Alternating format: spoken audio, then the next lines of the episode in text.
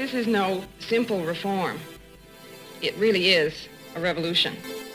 Feminism, by definition, is the belief that men and women should have equal rights and opportunities. In the church, there is full equality between man and woman. I hope that you know that your legacy will be measured in the service of every woman who follows in the trails that you've blazed, every woman who benefits from your daring and determination. Hey, everybody. Um, welcome to She Speaks, um, a feminist podcast, I would say, even though not everyone here is a feminist. um, but I'm here with our favorite producer, Jake. Hello. And um, we have a wonderful new guest named Haley. Pronounce your last name for us. Rawl. Rawl. Okay, I was right. I was Yeah. right. That is what I said, and I was right. Okay. It's a tricky one, but Hey, yes, Rawl. Rawl. Mm-hmm. Okay, well, we are so excited to have you here as a fellow feminist. Yes, ma'am. All right. Okay, cool. You're outnumbered, Jake. Haha. All right. Um okay, but before we get started, we oh my gosh, we have such an amazing podcast today. We're going to be talking all about feminism and faith and um, women in the priesthood and just so many good stuff or so many good stuff so many good things plural. Um, but before we get started once again we're going to speed through news segment as we identified last time.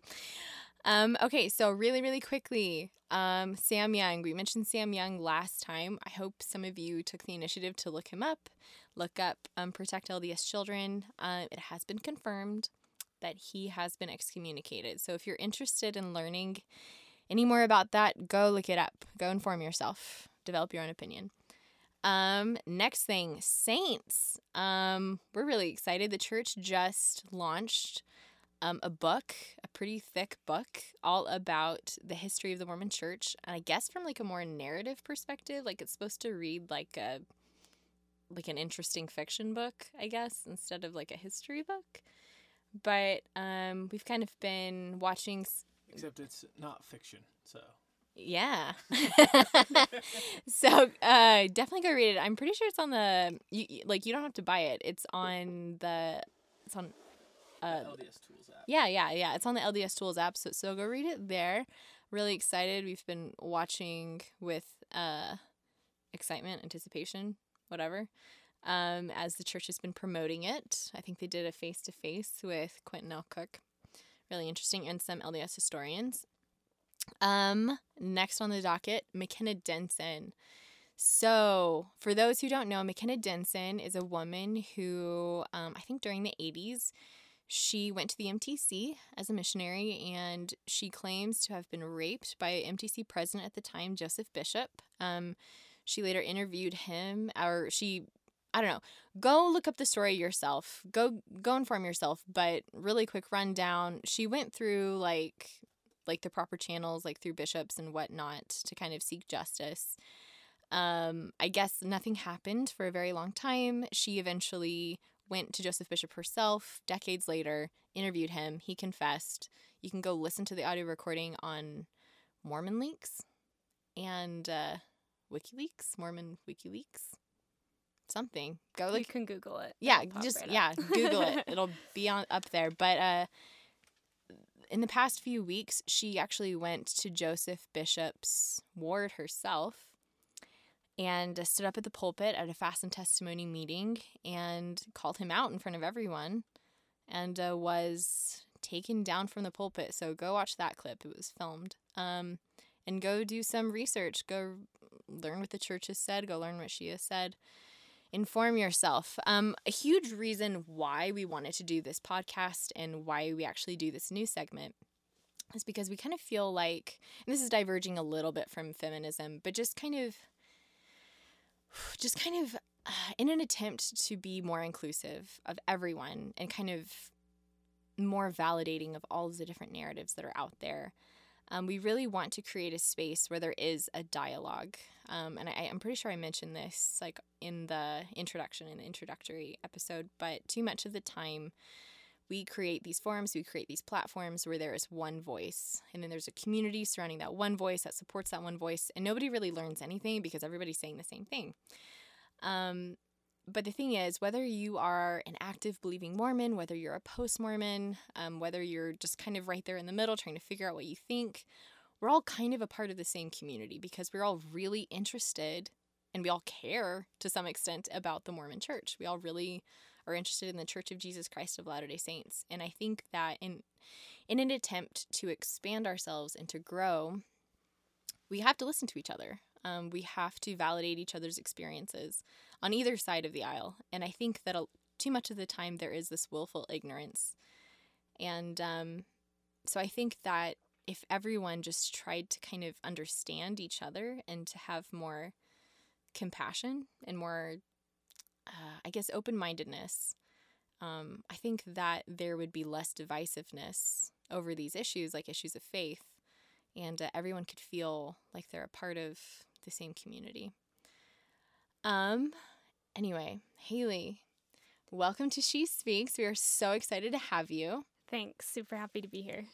Um, kind of as an introduction to kind of like why we have Haley on the podcast today. Um, so I was thumbing through Instagram one day not that long ago, and I came across a post that Haley had done that, um, gosh, it was just, I felt like she was so eloquent and so intelligent and so um, compassionate in what she said, but she, um, she kind of talked about her own faith and where she stood and um, it was just so great. And I think I'm going to have her read it. Uh, do you have it right there? Yes. I have Wait, it wait, wait. Would you read it for everyone? Yeah. First of all, thank you. That's really sweet. I appreciate that this meant anything to anyone. Um, but yeah, I posted a picture of my little sister who's currently serving a mission. She's in Philadelphia, Pennsylvania. Um, and I said that I have incredibly fond memories of my own mission and unspeakable gratitude for the people I met and experiences I gained there.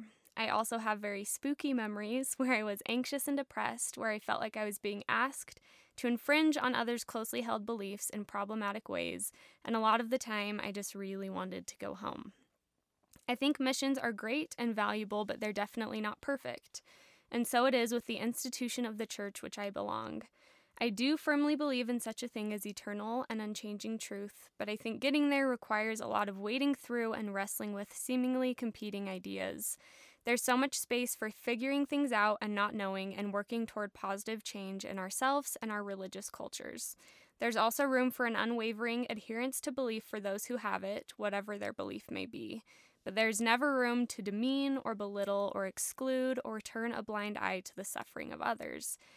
I hope to continue trekking along my spiritual journey within the Church of Jesus Christ of Latter day Saints with a more open mind and open heart and an increased desire to be like Christ and know and live his gospel.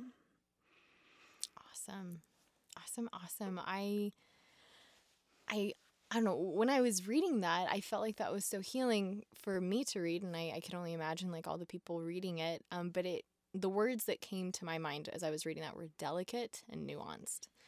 And I feel like in today's culture, um, it can be so terrifying to really express your honest feelings when they Mhm. don't fit perfectly with what kind of everyone says that they should be.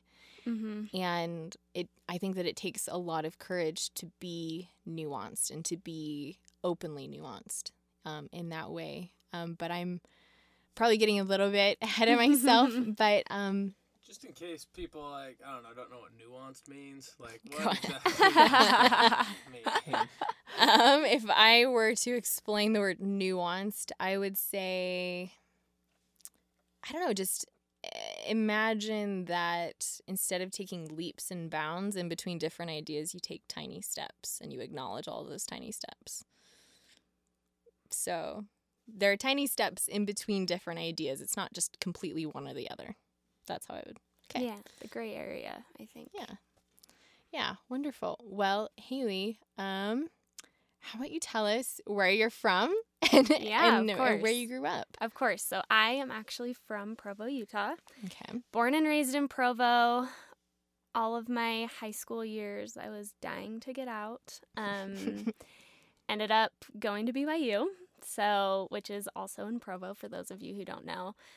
Um, I did serve a mission, so I lived in Berlin, Germany, and the Mhm. surrounding areas for 18 months of my life as an LDS missionary, and then returned to Provo, met my husband, married him, and we're both still finishing our education at BYU. So Awesome. still here in Provo.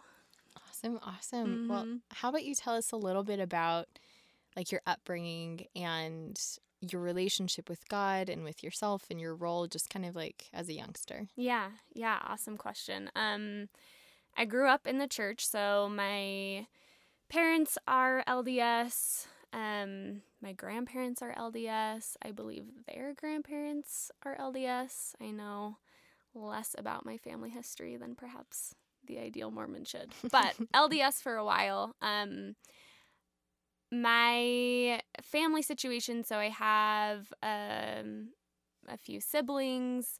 My parents got divorced when I was about 13, I think it was. They were separated off and on for a while. And my father is no longer a practicing Mormon and he has remarried.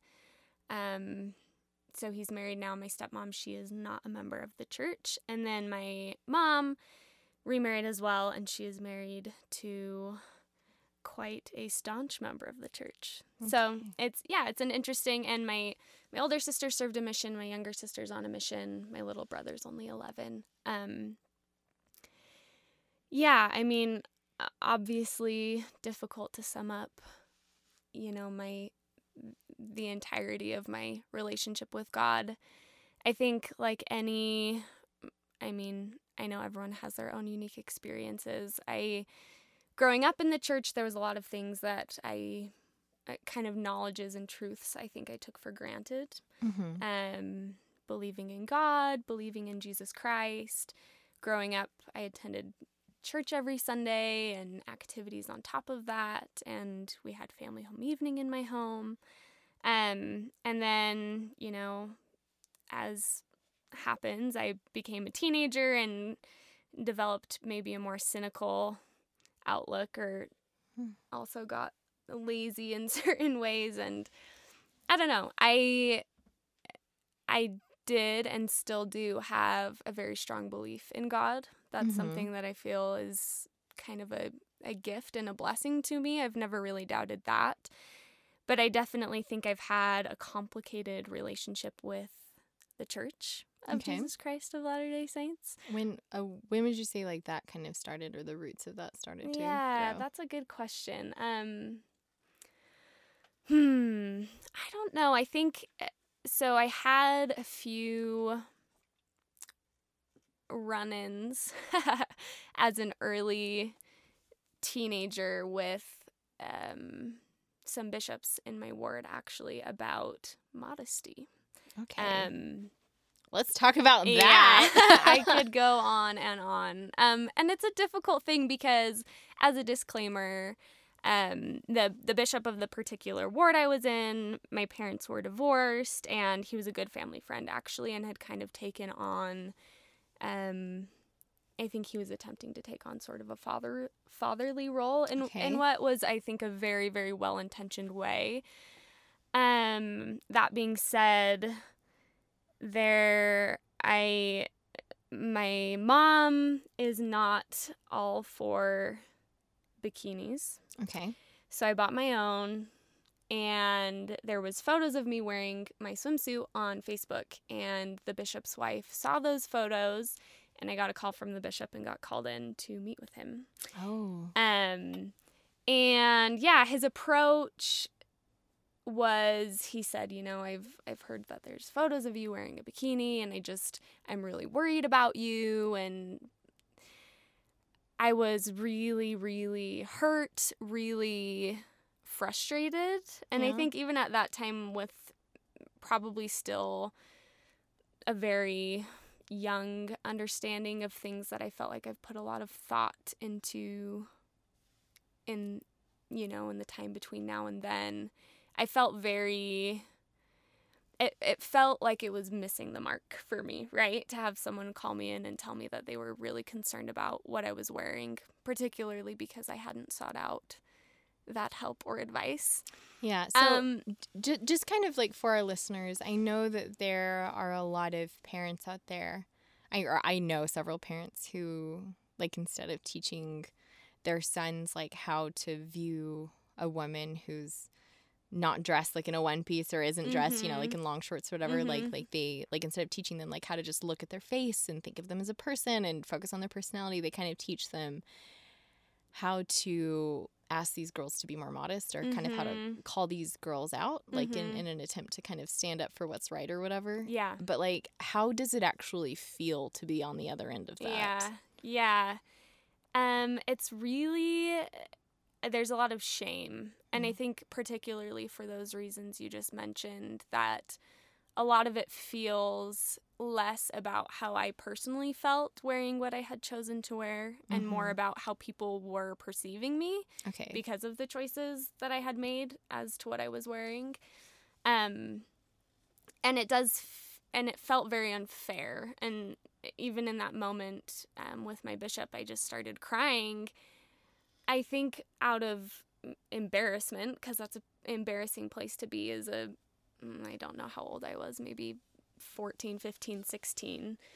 But also because I felt like I was in a pretty good place at that moment, all things considered, right? I was I felt like I was doing my best. And in a lot of other ways that aren't as visible as what you're wearing, you know, who knows? How could he know uh, what my personal prayer was like, or how I was doing with scripture study, or if I was being kind and serving people, you know? yeah What he was seeing was this outward manifestation, which I understand because it's something that someone can immediately see about you mm-hmm. but I felt that he was taking that and making a lot of inferences about who I was or where I was at or where my spirituality was at, which Yeah. felt really frustrating.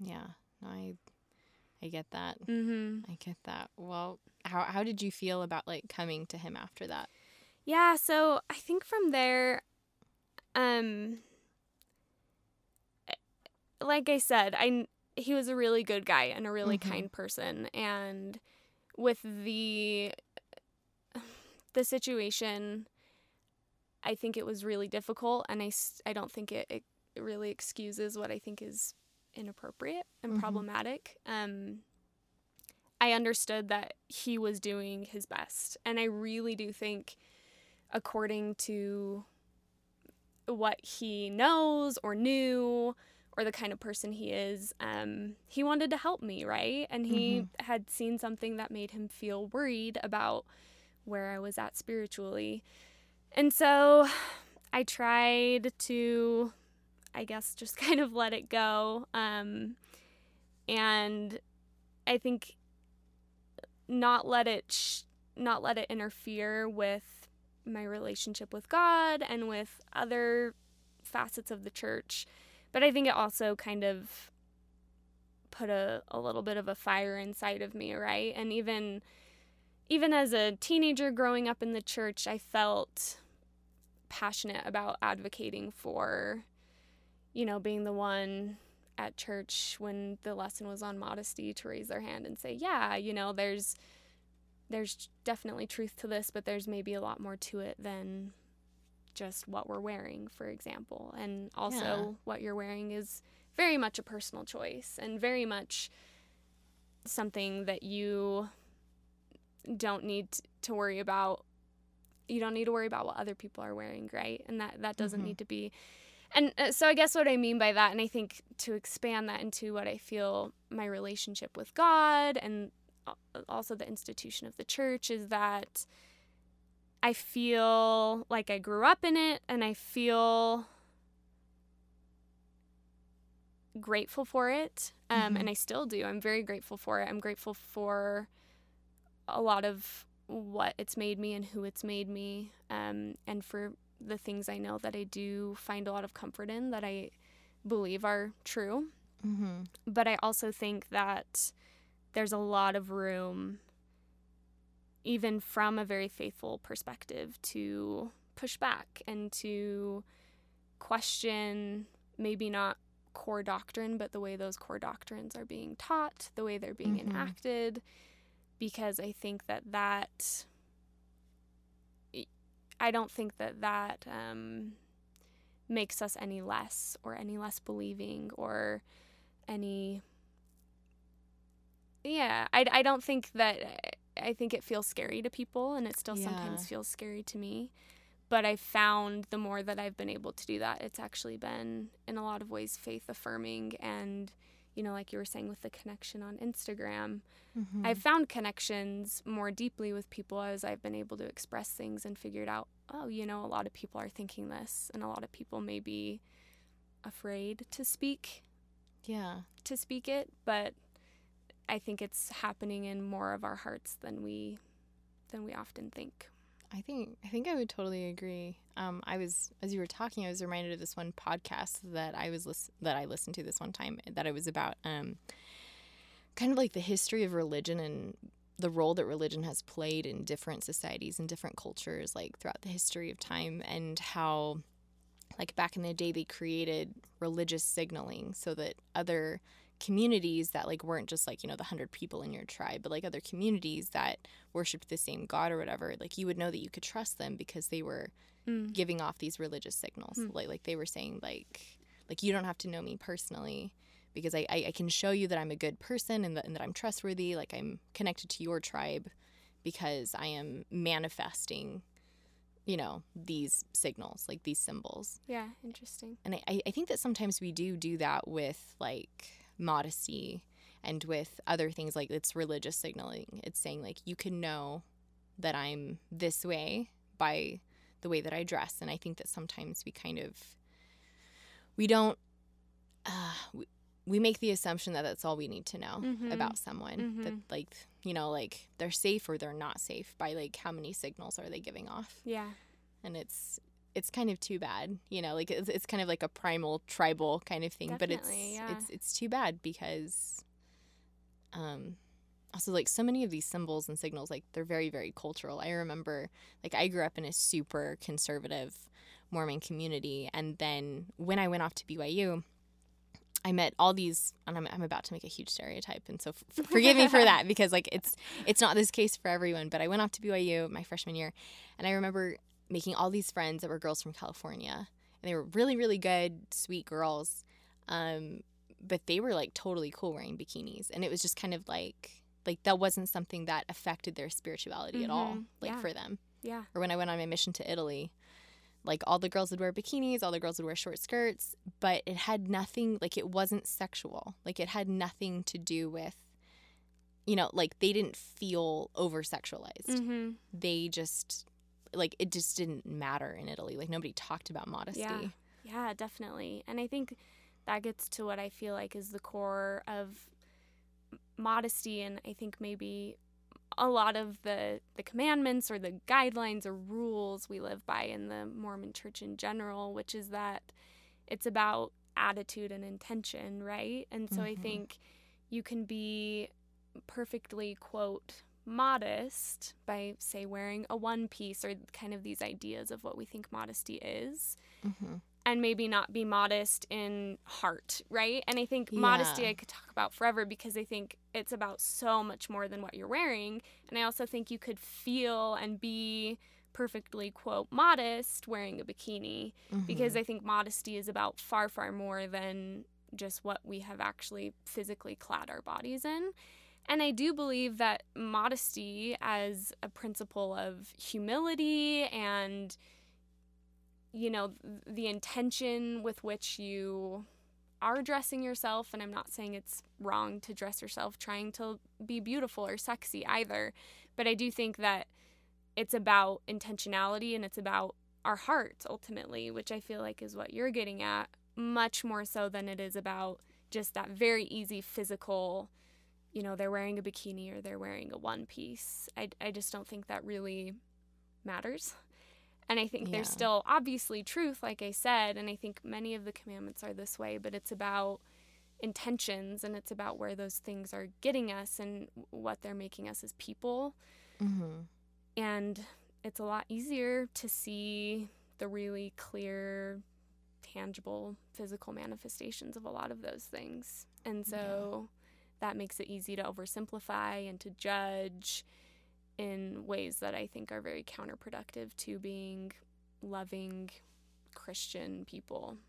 No, I think I think that that's so true. I think that um that was something that I struggled with for a really long time was being really judgmental. I think I Mm. think that um and in a way it kind of rattled my security in myself Mm. or my security like as a daughter of God. Um, I have to be so careful about the way that people will see me because other people had to be really careful about the way that I would see them. Mm-hmm. I was really, and I, this might have just been like my friends or my family or like, I don't know, but like there was just kind of this idea that like it's okay to make like an example of someone else. Mhm. Like if someone is dressed, like if some girl is dressed a certain way, it's okay to point it out like that it's wrong and to kind of talk about how she's doing something that's wrong. Even though like, now it like now it seems so silly like who does that benefit like what does that Mhm. do like what is the point of like pointing out that someone is wearing something that you personally don't think is modest like Totally. who even cares Totally. but i think that um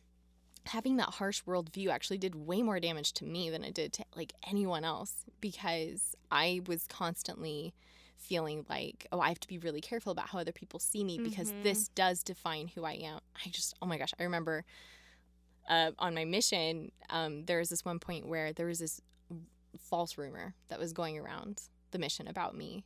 And it was something about like something that was like so silly, like I had a crush on some elder or whatever. Mm. And and I felt like because everyone else believed it, it it meant that I was failing as a Mhm, missionary. And mhm. I remember crying to my companion and saying like, what's even the point of being here anymore because I failed as a missionary. Like I should just go home.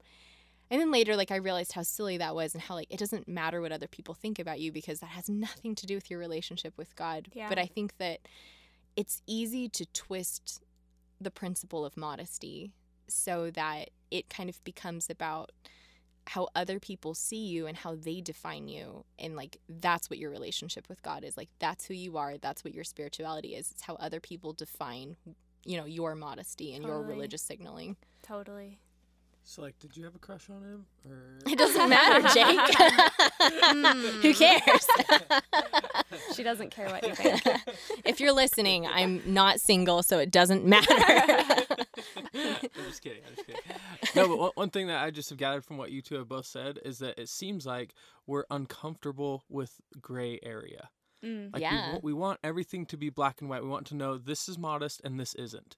And like that's how like we want to be able to see it because it's easy that way. and Yeah, it's like, oh, I- i'm doing right because I am I am in the white. Like Yeah. this is My skirt's long enough. Yep, right? exactly. Mhm. But uh, it's like people are uncomfortable with like that gray area, and that's why people like I feel like push back against that, and they like want to know exactly where it is, and then correct people who aren't there. That way, they know that they are clearly in the white. Totally. Yeah, I think that sums up super well what I feel like is and to bring it back I guess to to your very first original question what my relationship with God is and my relationship with the church and the policies of the church is that I think there is even within things that appear black and white I think there's always in a spiritual setting there's always personal spiritual interpretation and i Mhm. think that that's something that we owe ourselves that space to figure out that we owe others we need to give them grace and let them figure out what that means to them um, and just be more understanding of the plight of other people who are interpreting or seeing things differently than we do, even within the same institution, which might seem very homogenous from the outside or from the inside as well. Um, and so I feel like growing up in the church, it was a lot of kind of that balancing act of where do I fit in? You know, I do love these principles and these doctrines, and I, I feel deep down that they're true but how am I going to enact them in my life and how am I going to interpret what this looks like on a you know on a daily basis I guess I think that you touched on something that is so important and just like so fundamental, something that I feel like I've just recently started kind of discovering. um, but like personal authority Mm. and validating your own personal authority. And I think that that's something that it can be really hard to kind of um, validate that and say, you know, like I have a right to feel the way that I naturally feel about something, and I have Mm. a right to make decisions based on what I feel is right Mhm. and wrong. And I think a lot of times it's it's easier for us to just hand that deciding power over to someone else. And also it can be even kind of scary like when that doesn't fit in perfectly with like this black and white paradigm when you when you feel something that's like a little bit gray or you feel something that's a little bit outside the norm you feel like i don't have a right to feel like that and i definitely don't have a right to act on that Totally. like someone else i you know i give up my personal authority in favor of a priesthood leader's authority or in favor of you know the authority of like the community or the whole or Mhm. what they say Mm-hmm. Yeah, I think, and I guess bringing it to perhaps a more woman specific perspective, I do think, and I'm sure that's a you know a human thing in general, but I do think oftentimes in the church, which functions as a patriarchy, that's particularly challenging because I think we do grow up deferring to our authority, our leaders who are men most Mhm. often. And I mean, there's many a female leader that had a really big influence on me, but I didn't see them having the same sort of authority oh yeah as like a bishop, right? And so I think that is a really important thing to recognize our personal agency, which is one of the greatest gifts God has given us, and to be able to maybe reclaim that in some instances when we feel like we've been trained to, or maybe not even trained to, but just, you know, the situation that we've grown up in has kind of taught us to defer that authority elsewhere, like you said. Yeah. I think that kind of sucks because like I mean like as women like we don't have a ton of like female role models from like the Mhm. Bible or like the Book of Mormon or like a Mhm. gospel setting. I remember it was only like in the past couple years that I even like really discovered or like Eliza R. Snow or all of like the amazing women there. But um Eve, like the original like and I, I think it's very important to see like the Mormon interpretation of Eve because nobody else has this interpretation True. of Eve and it's Yeah. not actually in the Bible. So like it's it's the LDS interpretation of Eve, but like as far as like agency and personal authority goes, like oh my gosh, Eve, like Mhm. she our interpretation of her um I I don't know. I feel like it's only like in like this last year that I've really started kind of examining my feelings and my thoughts and kind of giving myself permission to feel and think a certain way. I've really just kind of come to honor Eve and how like she actually like the only like what gave her power and knowledge like I, I personally don't think it had anything to do with some sort of magic fruit. I, I Mm. don't think that the fruit was magic. It's just my opinion.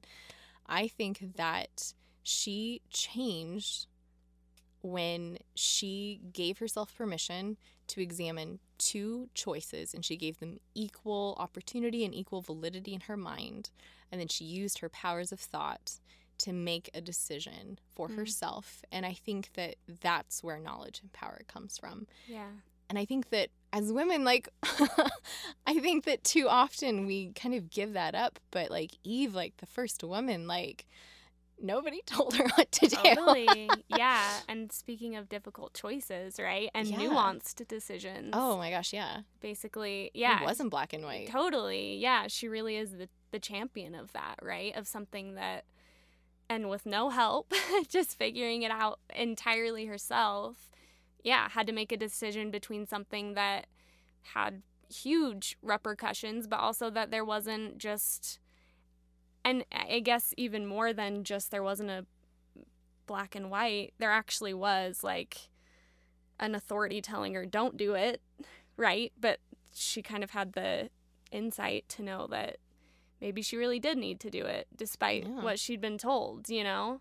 And I think obviously that can have very tricky implications, but I think it's important to think about. And I think that there's a lot of validity there in saying, yeah, she had her own powers, which were God given to make a decision that needed to be made. And I think that we do really underestimate that we have that capability ourselves. Or if we understand that we have it, perhaps we struggle, I know I do, to know what the bounds of that are, right? Yeah. And how much, what the difference is between being humble and thy will be done Mm-hmm. and no, this doesn't feel right, and I'm going to take matters into my own hands and try and make this feel better or be better. yeah. I. I don't have anything to add to that. Like I haven't figured that out. Yeah, me I- neither. yeah, that's a. I feel like that's a really hard one. But um, let's let's move on to your mission. Why Hmm. why did you decide to serve a mission? So, I never wanted to serve a mission. I actually, when I was four years old, I knocked on my parents' bedroom door after they had put me to sleep, and I said, I don't want to serve a mission.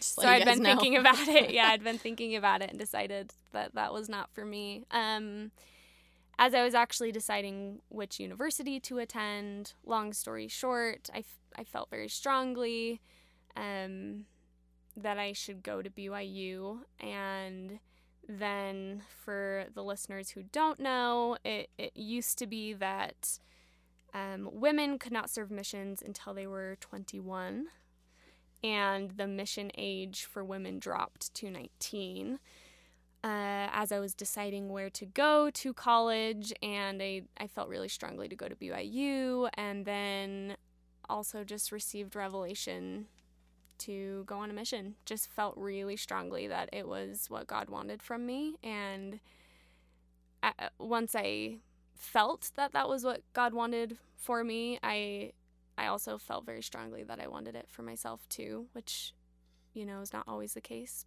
but was really nice. And my dad had served his mission in Germany. I really wanted to go to Germany, always felt connected to Germany. You know, got my mission call in the mail, guessed on a map my mom laid out Berlin, Germany, and opened up my call, and that's where I got called to go. That's crazy. Yeah. It's not always the case. Definitely No. not always the case. That's awesome. Yeah, yeah. And my mission was a- a really, I mean, I guess I referenced this in my post I read aloud. Really great, really hard. Um, lots of really good things, lots of what I call spooky things. Yeah, I kind of wanted. I kind of like that's a that's a that's a. I don't know if I could say cliffhanger, but like I want to know what does that mean? yeah, Spooky. spooky. Spooky's kind of a word my friends and I just use probably in, in ways that aren't so true to actually what spooky maybe literally means. But I, I think I'm as a missionary, there's a lot of really strict guidelines you're asked to live by. There's the whole setup of the program. I have a lot of questions about about how Mhm. efficient it is, how mentally healthy it is for Oh people gosh, on let's missions. talk about this. Yeah. yes. Um yeah, but at the same time in a lot of ways I was really really happy, yeah. you know. So I think there's a lot of really interesting dichotomies there, but yeah, by spooky memories, I guess I just mean the times when I questioned really fundamentally what the missionary program was even all about or uh, who I was helping or if it What were was you even worried- helping like- me. Like like what did you think it might be about? Um, I guess I went on a mission because I wanted to help people. Mm-hmm. And I think many a future missionary would say the same thing. And a lot of times I felt like uh, the goals of a mission, which were to preach the gospel and to help people come to Christ through baptism, almost felt like obstacles to helping people where they were at and helping people how they needed to be helped. Okay. And so it felt a little tricky to navigate.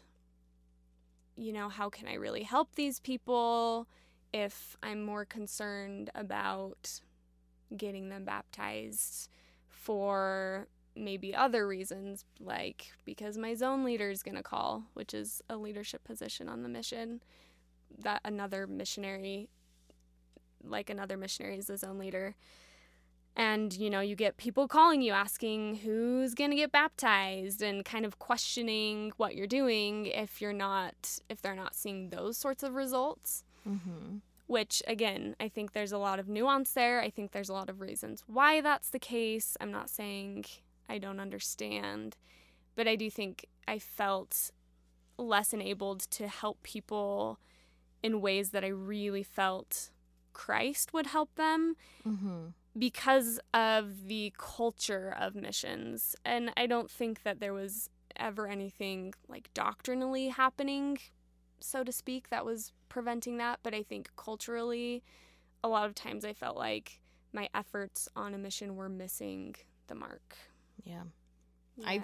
I had like the same experiences. Where There- did you serve your mission? I served in Rome. Oh, okay. Yeah. So probably quite similar to Yeah. Germany culturally. Yeah. Yeah, but uh, I was just reminded of this one, like what you were saying. I was reminded of this one experience that I had as a missionary where I felt really strongly that I needed to let an investigator go for their own benefit. And I Mm. remember feeling so weird. And I was like, I think I was kind of a greenie at the time, like somewhere like, yeah, I was I was a greenie. And there we had this one investigator, and she was like so spiritually just like on it. Like she was a part of a different church, but she was just like always like helping the poor and like feeding the homeless and doing all this stuff. And she like she had like all these programs with her church where she was like enabled to do that. And um, she just like she was like a bible scholar. She was just amazing. And we kept trying to bring her to like our ward activities and like our Mhm, church. Mhm. And I hate to say this, like I loved this ward, but they were not on it and they didn't have like all these programs and they were kind of like people were on their phones all the time and she would come and she would be disappointed Mhm.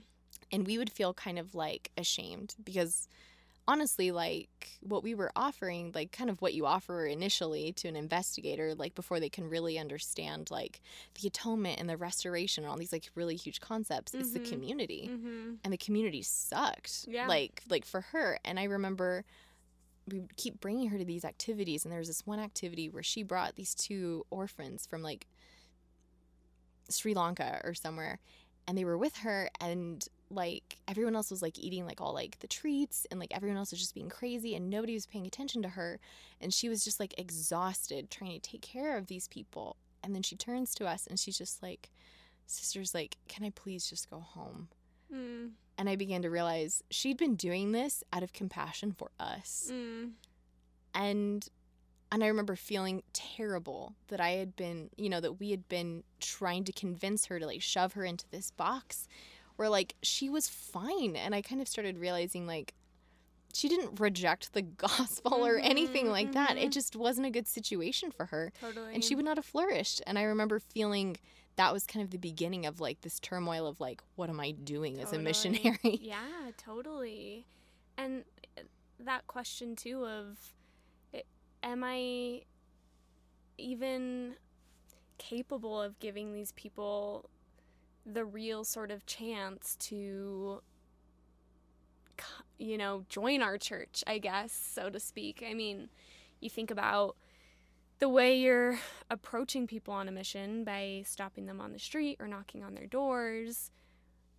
I can't imagine in any other life being very receptive to anyone who knocked on my door Oh, trying to tell no. me that what I believed wasn't right and there was or that there was something better, you know, especially if it was two dinky young guys or young girls. And so I think that in that same same way that you're talking about, I think that's also a little bit frustrating to think, you know, here's this incredible woman living an incredible life dedicated to Jesus, dedicated to benefiting the community and helping people and she's not any any worse for not for having met you and not you know bam recognizing the truth and joining the church you know? And i mm-hmm. think also to put that kind of responsibility on young people's shoulders i do think missionaries can do a lot of good. And i think one of the beauties of missions is that there's a, a big trust in young people and young boys and young girls to spread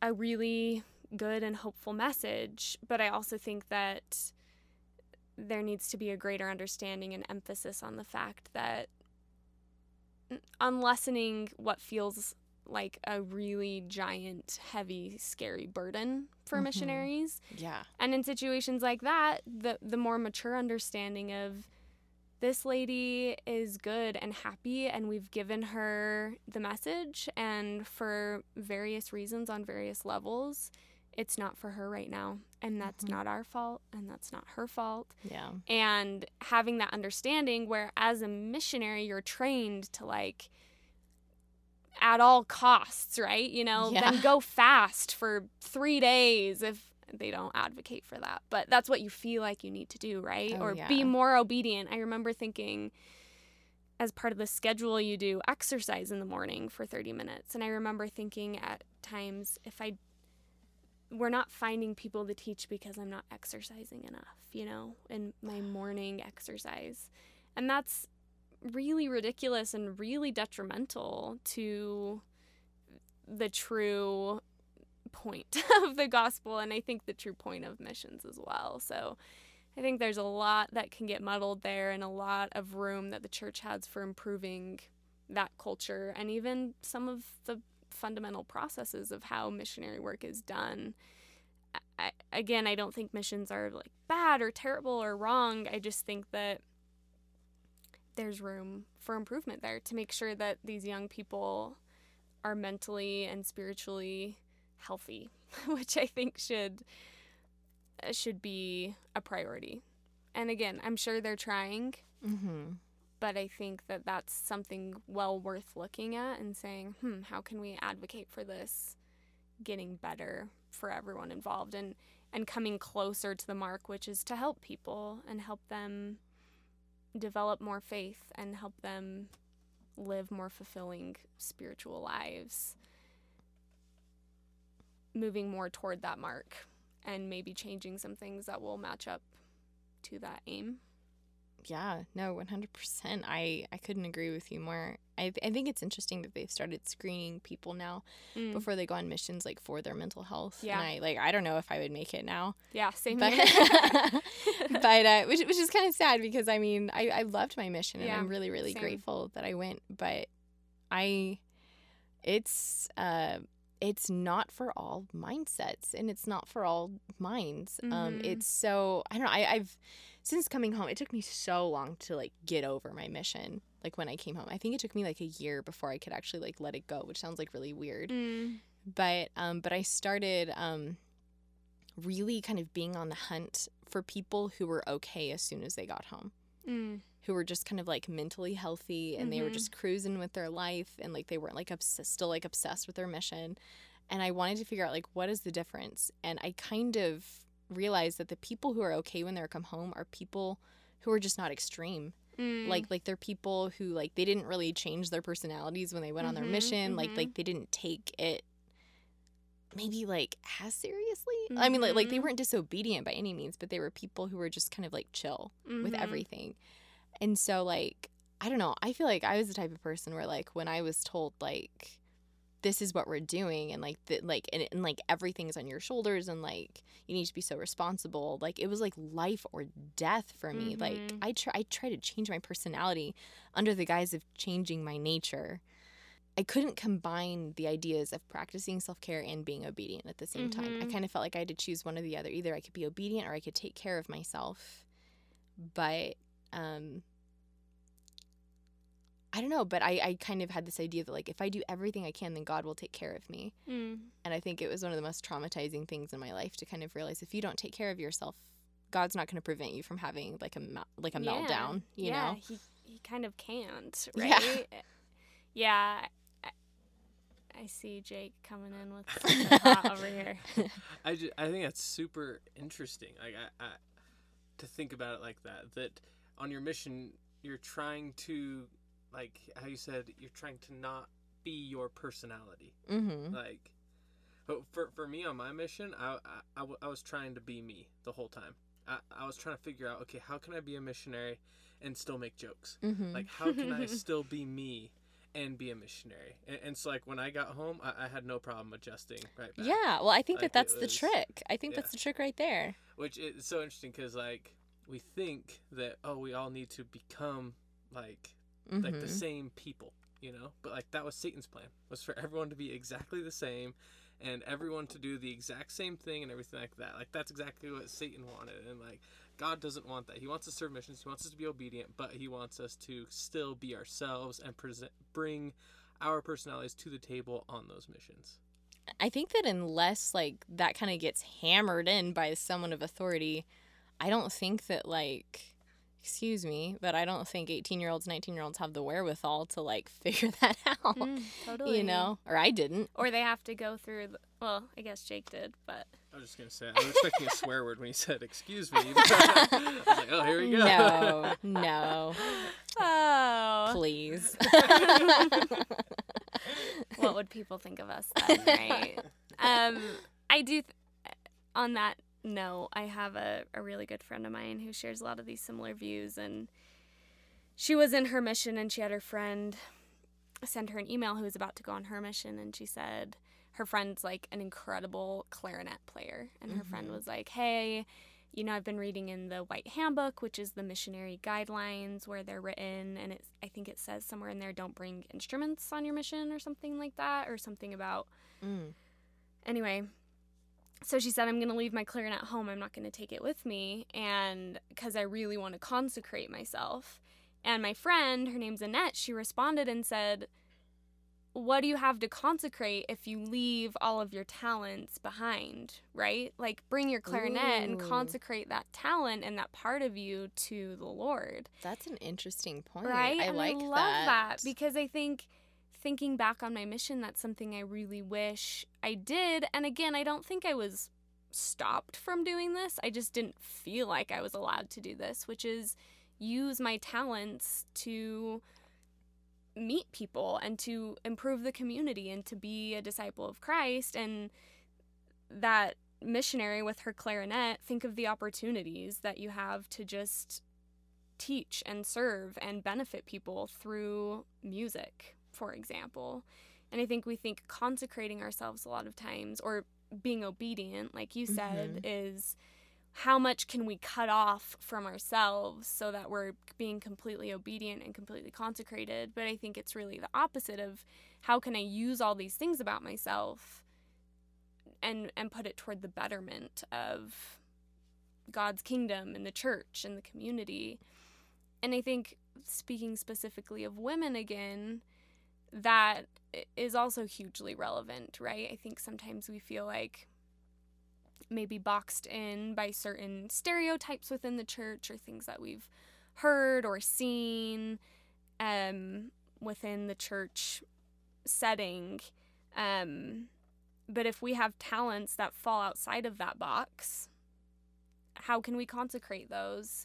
And that's not being disobedient, right? That's finding a way to be obedient as ourselves and as we are. And I think that's crucial to mental health. Like you said, I, I don't think it's, I don't think you can be happy giving up yourself for something. And I, I'm certain that that's not what God wants, right? And when, you know, scriptures that talk about losing our life for Him, I think is consecrating who we are and those talents and things about us to Him as opposed to trying to get rid of them all so we can fit into that cookie cutter, Yeah. you know, missionary or disciple. I carry juggling balls with me throughout my mission. So Is that a true story? that's a true story. My whole mission, I carry jugg- juggling balls with me, and I juggled all the time for members and on the Seriously street and amazing. So you're just that. walking around juggling Yeah, honestly. everywhere. Where did you serve? Brazil. Brazil. That's awesome. Nice. We need more of that. Uh, Yeah, I think that that's a really interesting and I have I have a specific friend who has scrupulosity and was incredibly exacerbated on his mission and is something he's still wrestling with 3 years later because you're there for a long time and those messages are consistently consistently given to you and then you're praised for being that way and Yeah. I, I think that it really has really negative ramifications not only for missions but for maybe how we understand and view God and the Savior who I don't think want us to to be that way. You know, I don't think I don't I can't imagine God praising behavior that's killing us inside and making us feel anxious and depressed and I just don't think that's any way to come closer to God who is an all-loving being who created us as we are with our specific personalities and ways of being and doing things. I totally agree. So, Yeah. so how were you when you came home from the mission? Like, how was that adjustment Yeah.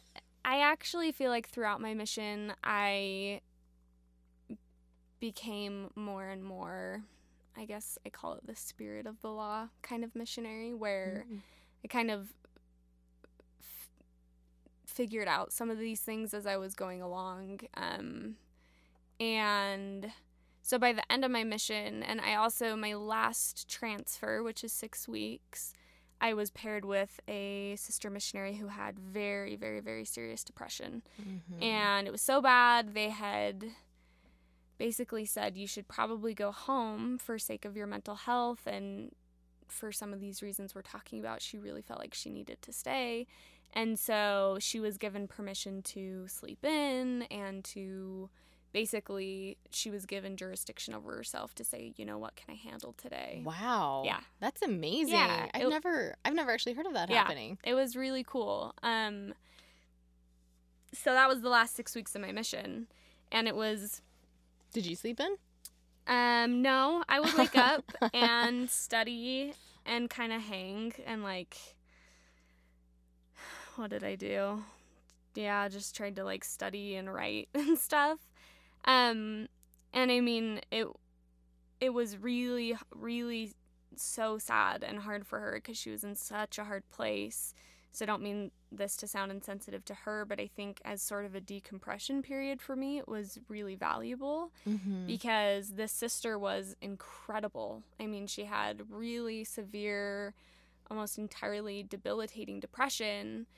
Um, for very, had experienced a lot of hardship in her life, but did incredible work with um, the ward. Had like such great relationships and was just such a good missionary in all of these ways that I didn't think of as the you know not the ideal missionary who's like finding tons of people on the street and baptizing Yeah. them but just was like such an asset to the people that she talked to and was able to teach and was such an incredible teacher. And I kind of by proxy had permission to with her just do whatever she felt she could do. And so we mostly just hung out with people in the ward and made really good friends and were able to teach them. And there was just some some people in the ward who were inactive. They weren't coming to church and we got to teach them. And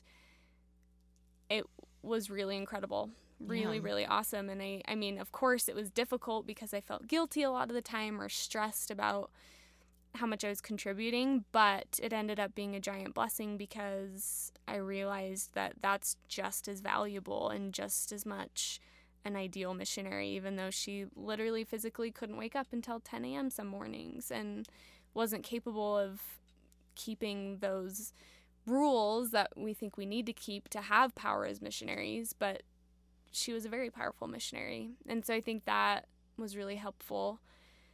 And also, when I got home from my mission, I met sort of my husband.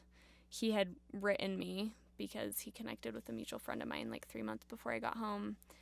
And we started basically dating right away. And he was a really big help in coming home Mm-hmm. just to kind of be someone who, as I was like navigating some of those things that you described, um, I just felt really immediately supported and helped through that by Mm-hmm. him. Um, so I think that helped my transition a lot as well and kind of helped me navigate that really weird, tricky, scary time post mission. Thanks so much for tuning in, guys, to the first half of our interview with Haley. Um, check out the second part of this interview series to, to hear the rest of the interview. Have a great week.